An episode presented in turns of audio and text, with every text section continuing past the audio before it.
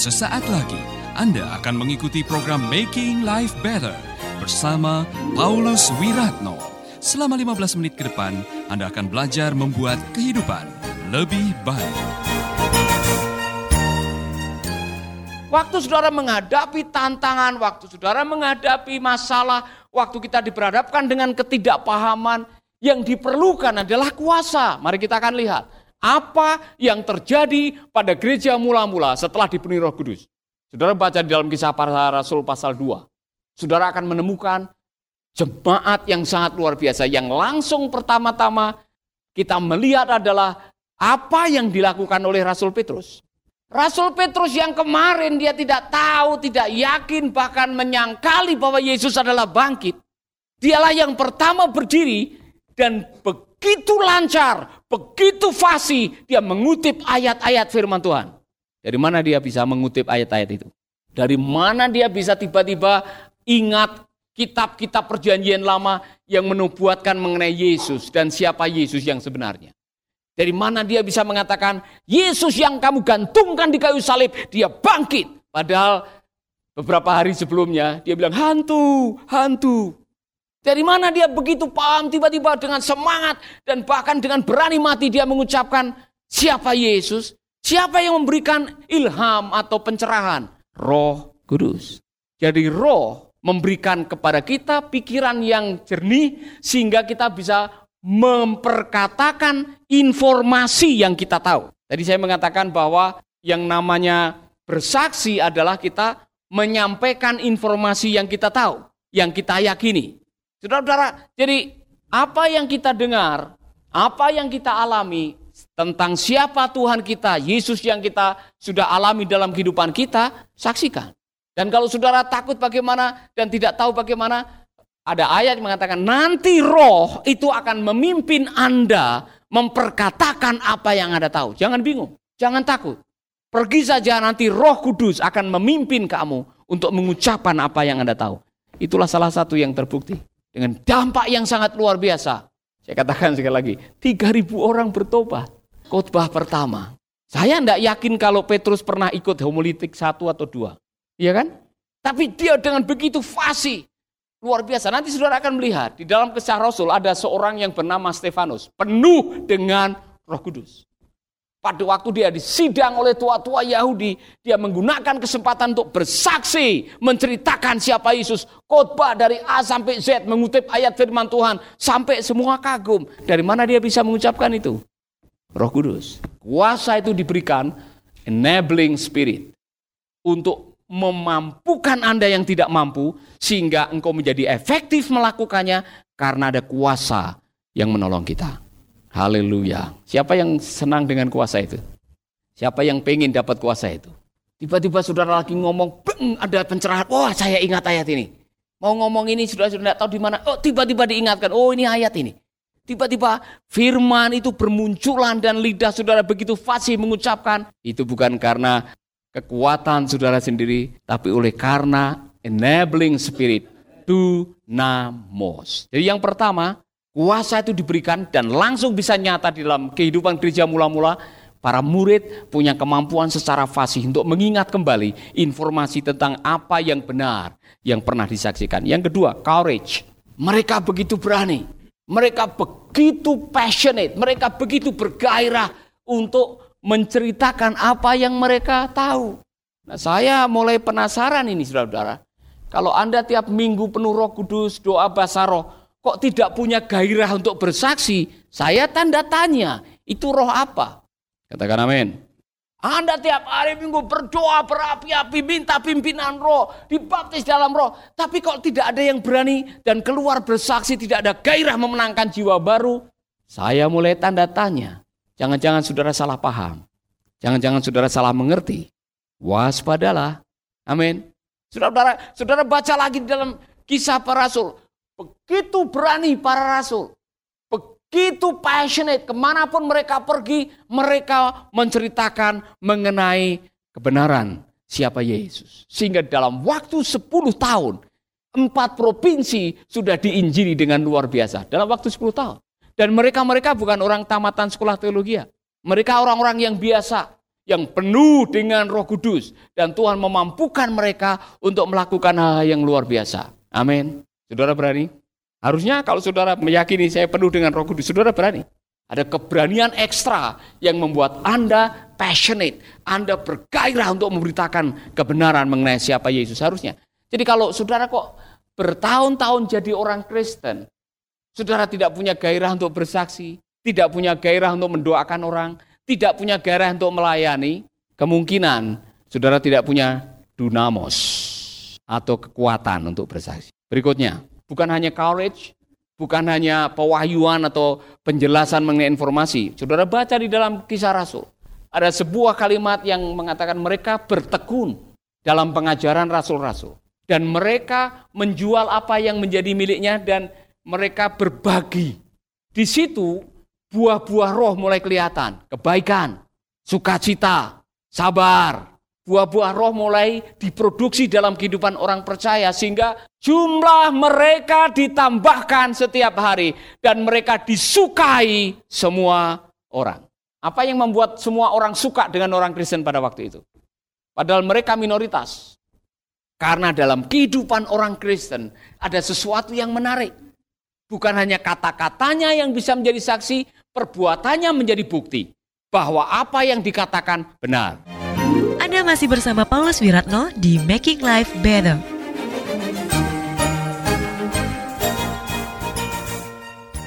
Nah ini yang kadang-kadang kita berhadapan dengan orang-orang yang kata-katanya manis, tapi kelakuannya pahit. Waduh saudara-saudara, kalau sudah ngomong selalu mengutip firman Tuhan dengan begitu fasih, ada tertulis saudaraku. Firman Allah berkata, haleluya.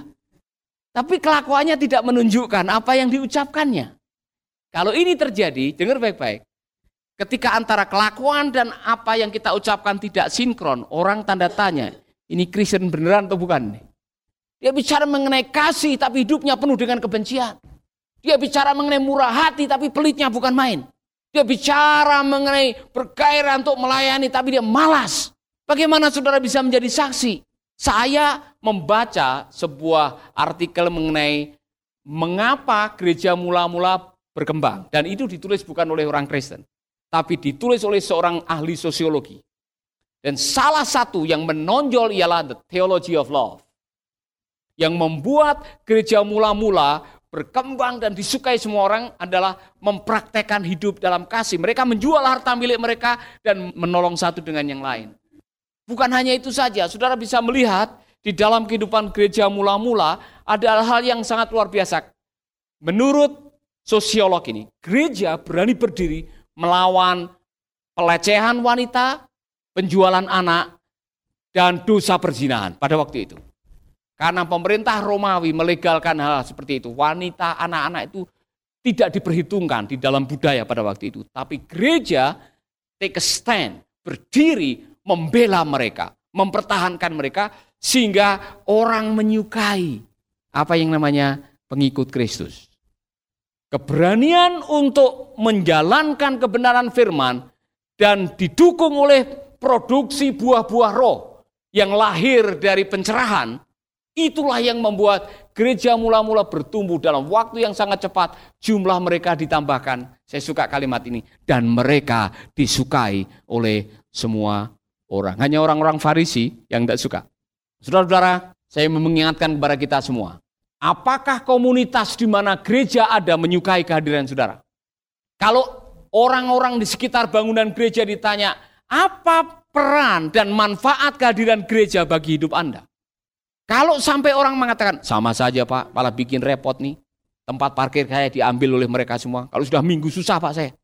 Kalau sampai akhirnya kehadiran gereja tidak memberi dampak positif kepada masyarakat atau lingkungan sekitarnya, tanda tanya, bagaimana kita bisa menjadi saksi kalau tidak ada buah-buah roh dalam kehidupan ini. Sehingga seharusnya saudara, enabling spirit, kuasa yang disebut dengan dunamos tadi, bukan hanya memberikan kita keberanian, memberikan kita hak untuk bersaksi, tapi juga memproduksi kehidupan rohani yang baik, yang tanpa ucapan pun orang bisa diberkati dengan kelakuan kita.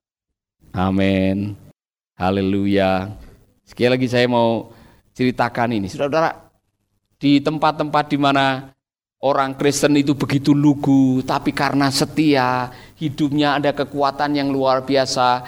Akhirnya sukacita yang dimiliki oleh orang-orang itu bisa menjadi sebuah kesaksian. Hanya dengan sukacita saja. Buah roh adalah sukacita. Orang-orang yang penuh dengan sukacita ke mana bisa nyanyi, haleluya, puji Tuhan. Meskipun kekurangan, tidak ada beras, tidak ada makanan, tapi ke mana masih bisa senyum, pergi ke mana-mana bisa menyanyi. Itu bisa menjadi kesaksian bagi orang lain. Haleluya. Amin. Saya ingatkan, saya bersaksi lagi nih, karena ini kejadian yang benar. Saya pernah khotbah di gereja di Karangploso, GSCA Karangploso waktu itu, digembalakan oleh Ibu Aprice dan saya pernah khotbah di sana. Pada hari khotbah itu ada seorang ibu yang pakai jilbab duduk di pojok. Di akhir ibadah itu saya menantang siapa yang mau terima Yesus maju ke depan. Dia ikut maju ke depan. Dia ikut terima Tuhan. Dan akhirnya saya penasaran, siapa yang bawa ibu ini? Ternyata yang membawa ibu ini adalah tukang cucinya. Seorang ibu janda anak tiga yang buruh nyuci. Apa yang menarik bagi ibu haji ini? Ialah karena ibu yang buruh nyuci. Setiap hari Rebu nyuci di rumahnya sambil nyuci dia nyanyi. Dan lagunya selalu sama. Sing sabar lan mante tekan pungkasane. Katanya ada percakapan. Ibu itu orang susah seorang janda anak tiga kerja buruh nyuci dari tetangga ke tetangga. Kok sampean bisa nyanyi saya ini yang suami saya pengusaha, sawahnya banyak, punya selepan, kok enggak bisa nyanyi? Sampean belajar nyanyi di mana? Dengan begitu lugunya, ibu ini mengatakan, Tante Aprice, kalau ibu mau belajar nyanyi nanti ikut saya hari Minggu. Jadi ibu haji akhirnya datang ke gereja, dia enggak tahu kalau itu gereja, karena masih di rumah waktu itu. Dia datang mau ikut belajar nyanyi, sing sabar lan mantep. Tidak tahu pada hari Minggu itu ada firman yang menemplak dia dan membuat dia akhirnya terima Tuhan. Ini contoh saudara. Roh yang akhirnya bekerja dalam kehidupan kita karena memberikan informasi tadi bisa memproduksi sesuatu yang disebut dengan buah-buah roh. Salah satunya adalah sukacita. Ketika ada orang Kristen yang sudah mengalami roh dan roh itu menghasilkan buah-buah roh, maka otomatis kehidupannya bisa menjadi saksi bagi orang lain. Amin. Jangan sebaliknya. Tiap minggu datang ke gereja, ikut pelayanan, tiap doa bahasa roh. Tetapi kelakuannya tidak menunjukkan bahwa dia seperti apa yang diucapkannya. Akhirnya jadi batu sandungan. Dan katanya kalau ada orang baru, baru masuk Kristen, kemudian masuk gereja ada batu sandungan, susah untuk balik lagi. Perlu sembilan bulan atau sembilan tahun untuk balik lagi. Jadi seperti bayi rohani yang tersandung oleh karena kelakuan orang Kristen, untuk balik lagi susahnya bukan main. Oleh karena itu saudara-saudara, jadilah orang yang penuh dengan kuasa dan memahami tugas Anda dan ketahuilah bahwa Anda punya hak yang sudah diberikan oleh Yesus untuk melakukan apa saja sesuai dengan perintahnya. Amin. Segala kuasa di bumi dan di surga telah diberikan kepadaku. Karena itu pergilah. Artinya anda punya hak untuk pergi, punya hak untuk mengajar, punya hak untuk membaptis, punya hak untuk mendoakan orang sakit, dan supaya bisa melakukannya, Anda diberi dunamos, enabling spirit, kuasa yang bisa memberdayakan saudara. Dan untuk saudara tetap kuat menghadapi tantangan, ada janji terakhir di dalam Injil Matius. Dan ingatlah ini, aku menyertai kamu sampai kesudahan zaman. Tiga ini sudah cukup, saudara. Saudara punya otoritas, saudara diberi kuasa, dan saudara dikasih jaminan penyertaan Tuhan. Harusnya dengan tiga ini sudah cukup untuk setiap orang Kristen menjadi produktif, bersaksi. Amin. Bukan mindahin jemaat orang lain. Bersaksi kepada orang yang belum tahu. Nah ngapain saudara bersaksi kepada orang yang sudah diinjili 50 kali? Ya kan? Pergi kepada mereka yang belum kenal Tuhan. Yang belum kenal kebenaran. Yang belum tahu bahwa Yesus mati dan bangkit. Saksikan kepada mereka. Kalau orang-orang ini sudah tahu, sudah dibaptis, sudah masuk gereja, ngapain dikandangkan ke kandang yang lain? Sia-sialah apa yang saudara miliki atau waktu saudara dan uang saudara. Saya mau kasih tahu saudara-saudara, tugas kita bukan untuk pergi dan pindahkan jemaat orang lain. Pergi bersaksi kepada mereka yang belum tahu mengenai berita pengampunan dosa. Berita mengenai pengampunan dosa ini harus disampaikan ke seluruh dunia. Amin.